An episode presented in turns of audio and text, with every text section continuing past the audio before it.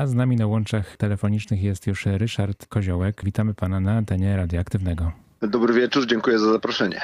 Jest nam bardzo miło Pana e, gościć. No i e, przedstawię Pana krótko, chociaż mógłbym to zrobić w zasadzie na dwa sposoby, bo mam tutaj cały akapit e, na Pana temat. Literaturoznawca, eseista, rektor Uniwersytetu Śląskiego oraz felietonista m.in. Tygodnika Powszechnego i Polityki. Naszym powodem do naszego dzisiejszego spotkania jest jednak dosyć wyjątkowa okazja, bowiem niedawno ukazał się zbiór Pana esejów, który nosi tytuł Czytać dużo, czytać. Tak więc na początek chciałem zapytać tak nieco przekornie, dlaczego dużo czytać? Czy w czytaniu nie chodzi przecież o to, żeby ten nasz odbiór był raczej jakościowy? Tak, ale ten odbiór jakościowy y, jest często uzależniony od zróżnicowanych lektur. Dobrze jest wymieniać książki, autorów, gatunki i nawet jeśli każdy z nas ma swoje ulubione formy opowieści albo ulubionych autorów, to dobrze y, od czasu do czasu zrobić sobie płodozmian, dlatego że to jest trochę jak wymiana języka,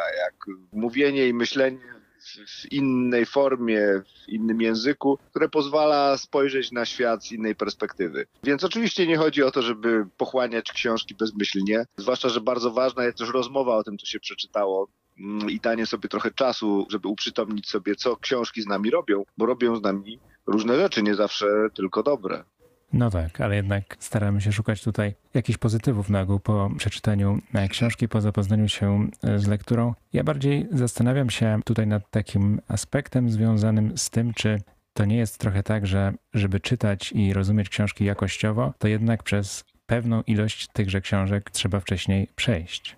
Tak, nie ma wątpliwości. Nasze kompetencje, ale też samoświadomość tego, co, co lubimy i dlaczego, wynika w dość prosty sposób jednak z, z liczby przeczytanych książek. Oczywiście nie ma, nie ma takiej liczby, która czyni z nas czytelników świadomych. Jedni nauczą się czytania po kilkudziesięciu książkach, innym zabierze to, to dużo czasu, zanim przestaną wyłącznie pochłaniać czy czytać dla przyjemności, a zaczną też używać literatury do tego, żeby, żeby poprzez y, specyficzny język, poprzez uruchomienie wyobraźni, zacząć niejako stosować czy używać książek do rozumienia rzeczywistości, do rozumienia świata wokół, zwłaszcza tego świata, który jest inny niż my sami ponieważ czytanie ma tę zbawienną i niezwykłą funkcję, że zbliża nas i zaprzyjaźnia bardzo często ze sprawami, z ludźmi, z istotami, które są często odległe od tego, kim my jesteśmy, jak myślimy, jakie są nasze wartości.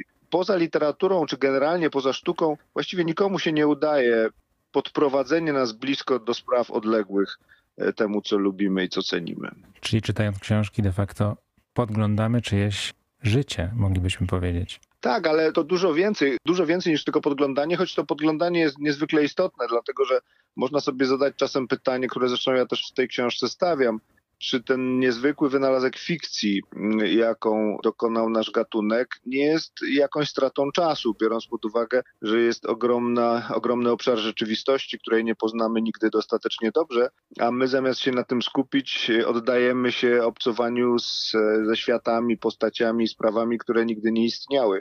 A jednak jest w tym głęboki sens, żeby nie powiedzieć mądrość naszego gatunku, ponieważ rzeczywistość rzadko kiedy, zwłaszcza prawdziwi ludzie istniejący obok nas, dadzą nam podejść do siebie tak blisko, jak możemy to uczynić w przypadku postaci literackich. Ja e, więcej wiem o Stanisławie Wokulskim niż o większości moich sąsiadów, z którym zamieszkuję ten sam blog. Ale to nie jest dziwne, bo nikt by mi o sobie tyle nie powiedział, co czyni to bohater Prusa. No właśnie, trudno tutaj z drugiej strony nie odnieść wrażenia i nie skomentować tego, co pan mówi, że dla wielu osób czytelnictwo jest jakąś formą eskapizmu. Czytanie książek to możliwość, żeby przenieść się do świata, który jest być może nieco ciekawszy, nieco piękniejszy niż ten, w którym na co dzień przebywamy. No i zdaje się, że badania dotyczące czytelnictwa w Polsce to potwierdzają. Większość czytelników sięga bowiem po literaturę kryminalną, sensacyjną czy często romanse lub literaturę obyczajową. No i zastanawiam się, czy jeżeli myślimy o czytaniu jako o takiej czynności, którą jakby chcielibyśmy, żeby chyba jak najdłużej utrzymywała się w naszym społeczeństwie, to czy z takiego czytelnika też powinniśmy być zadowoleni, czy powinniśmy starać się nakierować go na nieco bardziej ambitne lektury? Powinniśmy jak najbardziej. Od tego jest szkoła, od tego jest krytyka, od tego są znajomi, od tego jest wreszcie nasza własna ciekawość, ale niemal każdy czytelnik jest wartością, dlatego że to nie tylko eskapizm i ucieczka od rzeczywistości. To jest przede wszystkim używanie języka innego i w inny sposób niż ten, do którego jesteśmy przyzwyczajeni w życiu codziennym. Więc e, na pewno poszerzamy swój słownik, mówimy lepiej, dlatego że żeby przeczytać, to trzeba te zdania nawet oczami, nawet w ciszy wypowiedzieć, więc y, zarówno nasza dyspozycja słownikowa, jak i sprawność gramatyczna na pewno nie ucierpi na tym, na takiej lekturze. Więc nawet jeśli książki, które czytamy są przede wszystkim zgrabnie skrojonymi fabułami sensacyjnymi, romansowymi, fantastycznymi, a ich wartość poznawcza czy problemowa nie jest być może nazbyt głęboka albo, albo wzniosła, to użytkowanie języka, podnoszenie kompetencji językowych już jest wartością samą w sobie. A poza tym czytelnik, który czyta dużo nawet jednorodnej literatury, będzie bardziej skłonny do tego, czy łatwiej da się namówić, żeby próbował czegoś może trudniejszego lub po prostu innego niż to, co, co czytał dotąd. To zastanawia mnie w kontekście słów, które padają na początku pana książki o człowieku, który żyje w kuli skulony w ciasnocie zmniejszającego się ciągle terytorium i z obawą przed coraz większym światem na zewnątrz. Czy w takim razie ten, nawet jeżeli ktoś sięga po książkę, myśląc o jej przeczytaniu w sposób eskapistyczny, to czy to wciąż z tej kuli jest go w stanie trochę wyzwolić? Na pewno tak. Rzadko kiedy bowiem czytamy powieści o świecie, w którym żyjemy, które utwierdzają nas wyłącznie w tej wiedzy, w tym doświadczeniu, w tym przeżyciu, które jest udziałem nas jako ludzi rzeczywistych. Ja Pochodzę z małej miejscowości. Moje życie upływało w stosunkowo wąskim horyzoncie, wyznaczonym granicami podwórka, terenu obok, miejsc, w których spotykałem się z kolegami. To był raczej świat e, skromnych rozmiarów, natomiast książki, które towarzyszyły mi od dzieciństwa, one mnie od początku w ten świat, te światy wyprowadzały. Wyprowadzały mnie zarówno w przeszłość lub w przyszłość, więc poszerzały bardzo moją skalę myślenia historycznego. Dla mnie historia była horyzontem moich rodziców, którzy opowiadali mi o swoim dzieciństwie, ewentualnie dziadku. Natomiast literatura historyczna albo taka, która przeszłością się zajmuje, nagle uświadomiła mi, że uświadamiała mi, że świat istnieje o wiele dłużej niż, niż żyjący w moim otoczeniu ludzie, co już dawało mi pewien oddech. A na dodatek jeszcze wiele tych fabuł powieściowych, młodzieżowych czy przygodowych rozgrywało się w innych krainach Oczywiście czytałem wtedy to, co czytali młodzi ludzie czy dzieci w latach 70. czy 80., no 70. powiedzmy. No więc to były oczywiście przygody Tomka, to były, to były powieści Aleksandra Dima, no i wiele, wiele tej przygodówki typowej dla tych czasów opowieści snute w, przez tę narrację wyprowadzały mnie na inne kontynenty, wyprowadzały mnie do spraw, które były absolutnie poza moim doświadczeniem. Więc nie ruszając się z miejsca, książka dawała mi wiedzę, a także przyjemność życia życiem innych ludzi i innych czasów. To jest ogromnie ważny trening wychodzenia ze swoich baniek i ze swojego wyłącznie zawsze jakoś małego świata. I myśli pan, że literatura jest tutaj właściwym lekarstwem, właściwym sposobem na to, żeby tę bańkę próbować opuszczać? Tak, nie każdą bańkę byśmy chcieli opuścić rzeczywiście. Jeśli mhm. jesteśmy zadowoleni ze swojego życia, no to, no tak. a, to przemieszczanie się, prawda, do, do światów, które nie, którymi niekoniecznie jesteśmy zainteresowani, albo nie, nie chcielibyśmy ich dzielić, wymaga albo przymusu, albo jakiegoś, jakiejś takiej determinacji reporterskiej, a większość z nas raczej tak próbuje budować życie, żeby otaczać się sprawami, przedmiotami, aktywnościami i ludźmi, którymi znam dobrze. To jest zupełnie naturalne, naturalna skłonność, ale budowanie obrazu świata wyłącznie na podstawie tych doświadczeń homogenicznych, podobnych do siebie, jest oczywiście zamknięciem i ograniczeniem. Więc literatura daje nam szansę uprzytomnienia sobie, że świat jest bardziej złożony i bardziej różnorodny niż to, jak my go przeżywamy, to też uczy szacunku, uczy wiedzy, a przede wszystkim uczy empatii, ponieważ literatura swoimi sztuczkami, takimi emocjonalnymi, afektywnymi, które nas angażują w sprawy i przeżycia bohaterów, sprawia, że, że rozumiemy, a nawet odczuwamy z ludźmi, a nawet z istotami, bo przecież literatura bardzo często prowadzi nas w stronę zwierząt, świata roślinnego, a nawet przyrody nieożywionej, czyniąc nas i czyniąc ją te światy nam bliższymi i, i lepiej zrozumiałymi. Ale to chyba tylko w tym przypadku, kiedy podchodzimy do literatury w sposób refleksyjny, wtedy kiedy jednak w jakiś sposób to, co przeczytamy, porównujemy sobie z, ze światem, w którym żyjemy, z naszymi własnymi przeżyciami, prawda? I tak i nie, no bo wyobraźmy sobie coś tak najbardziej prozaicznego jak bajki dziecięce, czy bajki zwierzęce, których bohaterami są, są właśnie zwierzęta. One zwykle w tych opowieściach dziecięcych, tam nie wiem, o psie, który jeździł koleją, jedna z książek, która, która była taką, taką, taką lekturą wzruszenia w moim dzieciństwie, albo opowieści Grabowskiego, Grabskiego o zwierzętach typu Puc Bursztyn i Goście. To były opowieści o psach czy innych zwierzętach domowych, które stawały mi się bliskie, stawały, ja z nimi sympatyzowałem, przeżywałem ich pojedynki, walki, ich, mhm.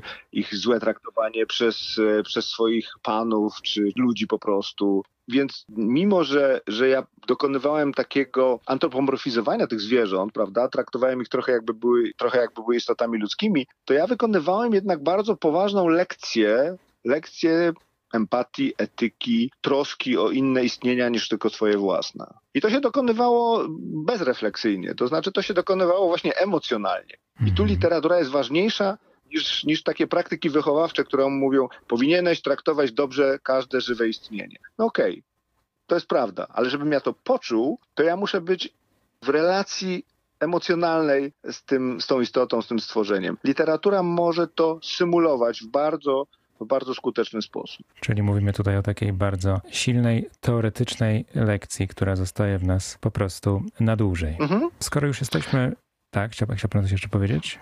Tak, zgadzam się i to jest oczywiście na niby prawda? Mhm. To jest ten, ten fenomen działania napisanych znaków, które pobudzają nasz aparat wyobraźni, nasz aparat psychofizyczny, bo my to czujemy nie tylko wyobrażając sobie w postaci obrazów i świadomości tego, co się dzieje w określonych fragmentach opowieści, ale my to też czujemy, będąc pobudzonymi tak, jak pobudza nas przeżycie, prawda? Wzruszając się, śmiejąc, czy, czy będąc przerażonymi. Wiemy, rzecz jasna, że to nie dzieje się naprawdę, że to dzieje się poprzez ten proces symulacyjny. W związku z tym można się zastanawiać, na ile to jest trwałe, prawda? Czy to w nas zostaje na dłużej? Czy to jest równie trwałe, co doświadczenie rzeczywiste? Pewnie nie. Pewnie nie. Ale ten trening, ta, ta pamięć zaangażowania, przyjemnego zaangażowania, jeśli literatura nas wciągnęła, ona w nas wierzy, a nawet jestem głęboko przekonany, pozostaje i stanowi taki rodzaj przygotowania na rzeczywistość. No i prawdopodobnie z tego powodu, ale też z wielu innych, które już tutaj częściowo wymieniliśmy, powinno się ją w dalszym ciągu podsuwać naszym, naszym, no możemy, możemy tak powiedzieć, naszym pociechom i starać się z tą lekturą od najmłodszych lat zapoznawać. Tutaj pan napisał e, w swojej książce takie, e, takie ciekawe zdanie w jednym z esejów, że każdy rodzic i nauczyciel, który uczy tych e, rzeczy poprzez książkę, angażuje się w działanie polityczne. Zastanawiam się, czy nauczyciele i rodzice rozumieją tą swoją odpowiedzialność, jaka w pewnym sensie na nich ciąży, tą odpowiedzialność e, za to, żeby wiedza o naszym języku i o tym, jak się nim posługiwać, była przekazywana dalej, żeby się nie zacierała? Nie wiem, ale bardzo chciałbym, żeby wiedzieli, że namawianie do lektury, promowanie lektury, a przede wszystkim czytanie samemu, ponieważ dzieci są mądre, one uważnie obserwują dorosłych. Jeśli my mówimy, słuchajcie, czytajcie, książki są ważne, a sami tego nie robimy albo przeglądamy informacje na smartfonie lub też koncentrujemy się na wiadomościach internetowych czy telewizyjnych, to dziecko natychmiast zobaczy, że jest w tym pewien fałsz, pewna hipokryzja edukacyjna. Natomiast kiedy czytamy razem z dziećmi, bo myślę, że to jest bardzo ważne, zarówno nauczyciele, myślę, że nie dla nauczycieli, sam zresztą to robię czasem ze studentami, kiedy widzą, że dzieci czy, czy młodzież nie czyta, czy nie przeczytało książki, to po prostu trzeba otworzyć dobrą książkę na dobrym fragmencie i czytać razem z nimi. Dlatego, że streszczenia są, są dobre do zaliczania, natomiast mhm. nie, absolutnie nie zastąpią literatury, dlatego że literatura jest określonym rodzajem zorganizowania języka, który ułożony w przypadku poezji w metafory, inne środki, a w przypadku prozy w narrację i fabuły, ułożony w ten sposób, staje się przyjemnością, staje się, potrafi zaintrygować. I dopiero wtedy można poczuć, czym jest literatura i ewentualnie się w niej, się w niej zanurzyć, a może nawet pozostać, pozostać z nią na stałe przez całe życie. No właśnie, zastanawiam się tylko, na ile to działa w ten sposób, że jeżeli ktoś nie stanie się czytelnikiem w czasach szkolnych, jeżeli wtedy nie zapozna się z tym kanonem lektur, które w jakiś sposób e, no jednak w tym kanonie są, bo zdaje się, że budują naszą tożsamość historyczno-społeczno-kulturową, to czy potem ten człowiek będzie w stanie po książki z powrotem się zwrócić? Czy to trochę jest tak, że na naszej szkole spoczywa ta bardzo odpowiedzialna rola, żeby tę miłość do czytania w dzieciach i w młodzieży zaszczepić, żeby ona potem w naszym społeczeństwie istniała dalej? Rola szkoły jest ogromna i nie do przecenienia, natomiast literatura nie mieszka tylko w książkach. Nawet ktoś, kto nie przeczytał żadnej książki i może nawet nie przeczyta, ma kontakt z literaturą w najrozmaitszych przejawach ma z nią kontakt y, w swoim własnym języku, ponieważ chcąc opowiedzieć cokolwiek, chcąc zdać sprawę ze swojego życia, ze swojego przeżycia, najczęściej używa narracji. Opowiada, że coś było najpierw, potem coś z tego wynikało, miało swoje konsekwencje, skończyło się tak a tak, a najważniejszym wydarzeniem z tej przeszłości dnia, tygodnia czy całego życia było to i to. Więc my jesteśmy użytkownikami literatury, czy chcemy, czy nie chcemy. Podobnie zresztą jak nasz język codziennie jest zmetaforyzowany. Więc uczulenie uczniów zwłaszcza, że literatura to nie jest Pan Tadeusz czy, czy trylogia, prawda, czy lalka, tylko to jest mowa, której używamy, a literatura jest po prostu najlepszą, najlepszym zorganizowaniem, najlepszym użyciem tej, mhm. tej mowy. My jesteśmy po prostu skazani na literaturę, a znajdujemy ją w tekstach piosenek, które lubimy, znajdujemy ją w serialach dobrze napisanych,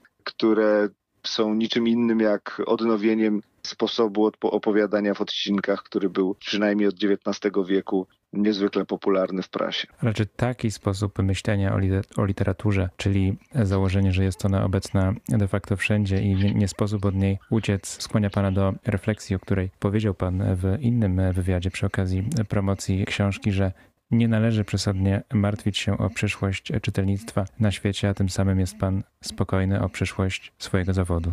Tak, to prawda. Był czas, że mocno mnie to niepokoiło. Mniej więcej na przełomie tysiącleci, kiedy obserwowałem bardzo gwałtowną ekspansję kultury obrazu i, no i triumfujący internet, wydawało mi się, że książki staną się kompletnie nieatrakcyjne i one mają wielką konkurencję. Ja sam czytam zdecydowanie mniej niż czytałem przed epoką internetu, ale to nie znaczy, że czytam mniej w ogóle. Ja po prostu czytam literaturę w różnych, w różnych miejscach, a także oglądam sporo i składnikiem tego oglądania także jest czytanie, dlatego że dzisiejsze opowieści filmowe są bardzo często znakomicie napisane, mają świetne dialogi, więc ta warstwa językowa, warstwa narracyjna odgrywa tam niezwykle istotną rolę. Literatura znalazła sobie dzisiaj wiele innych mediów i moim zdaniem trzyma się bardzo mocno, nawet jeśli czasem się kryje za, za obrazem czy za innymi formami, za muzyką na przykład. Z nami i moim zdaniem pozostanie, póki będziemy mówić. W Polsce wydaje mi się, że taką jeszcze taki zastrzyk energii, zastrzyk jakiejś chęci do czytania dało Polakom przyznanie Nagrody Noblowskiej Oldze Tokarczuk. Ta jednak powiedziała w jednym ze swoich wywiadów słowa, które no jakieś tam jednak obruszenie wywołały na temat tego, że ona nie chce, znaczy inaczej, że literatura nie jest dla idiotów i żeby czytać książki trzeba mieć jakąś kompetencję, pewną wrażliwość, pewne rozeznanie w kulturze. Tak więc kończąc chciałem zapytać pana, na ile zgadza się ze słowami noblistki, na ile taka postawa powinna stanowić swego rodzaju cel w naszym czytaniu i czy Olga Tokarczuk myślę o tym w ten sposób, że ona zdobyła tą nagrodę Nobla, ale zastanawiam się, czy koniec końców jej książki, jej literatura jest przystępna dla przeciętnego czytelnika, czy to jest taki bodziec na zasadzie tego, że czytanie jest czymś, po co warto sięgać, bo mamy Polkę, która sięgnęła po taką nagrodę. Każdy dobry powód jest dobry, żeby sięgnąć po książkę, nawet książkę trudniejszą niż czytaliśmy dotąd. Ja bym nie przeceniał tego, tego postulatu czytania ze zrozumieniem, że wszystko, co czytamy, musi być kompletnie od A do Z zrozumiałe. Czasem przyciąga nas właśnie trudność, czasem pociąga nas to, że nie rozumiemy. Przypominam sobie swoje rozmaite, ambitne lektury z dzieciństwa czy z młodości, zwłaszcza z młodości, kiedy chciało się pokazać, że człowiek jest mądrzejszy niż jest i sięgał po Dostojewskiego, czy Joyce'a, czy Prusta, nie będąc do tego przygotowanym, a jednocześnie ten rodzaj wyzwania, przeszkody, takiego, przepraszam, challenge'u, który też tak. literatura stawia i który też jest też jest zachętą do czytania, a właśnie, że, właśnie, że przeczytam tego, tego przeklętego Joyce'a, właśnie, że dowiem się, o czym jest ten Ulises, sprawdzę, czy, czy on jest tylko dla tych, dla tych wyrafinowanych, prawda, jajogłowych literaturoznawców, czy też, czy też ja go przeczytam. Więc nie, wolność czytania jest czymś cudownym. Nie tworzyłbym żadnych barier. Jeśli ktoś chce czytać, to, to nie stawiałbym mu żadnych warunków wstępnych. Czyli nie trzeba się silić na jakąś przesadną e, intelektualność, nie trzeba niczego udawać, można sięgać po wszystko, co się chce. No to na koniec e, może takie jeszcze pytanie, które mam nadzieję, że nie naruszy Pana prywatności, ale chciałem tak humorystycznie zapytać, co Pan w takim razie teraz czyta? Ja czytam ileś książek równocześnie, Mhm. e, więc w tej chwili mam przed sobą na przykład opowieści Edgara Allana Poe, które mi są potrzebne do eseju, nad którym pracuję, ale tak się zaczytałem, że zapomniałem o pisaniu i zacząłem znowu czytać stare, stare opowieści Poa, bo mnie tak wciągnęły, w tłumaczeniu Leśmiana zresztą, e, więc czytam Zagładę domu Usherów i, i Williama Wilsona i te wszystkie wspaniałe opowieści i przypomni, przypomniało mi się, jak czytałem je po raz pierwszy, mając lat 13 albo 14 i jakie to było przyjemne bać się tych strasznych opowieści. No to można podsumować to w ten sposób, że porozmawialiśmy dzisiaj głównie na temat spraw teoretycznych, no ale żeby nie było to, mamy też dla słuchaczy dawkę być może inspiracji również bardzo praktycznych. Moim i waszym gościem był Ryszard Koziołek. Dziękuję bardzo za rozmowę. Bardzo dziękuję i kłaniam się wszystkim słuchaczom. I odsyłam rzecz jasna do księgarni pod tytuł Czytać dużo, czytać, który ukazał się niedawno nakładem wydawnictwa Czarne.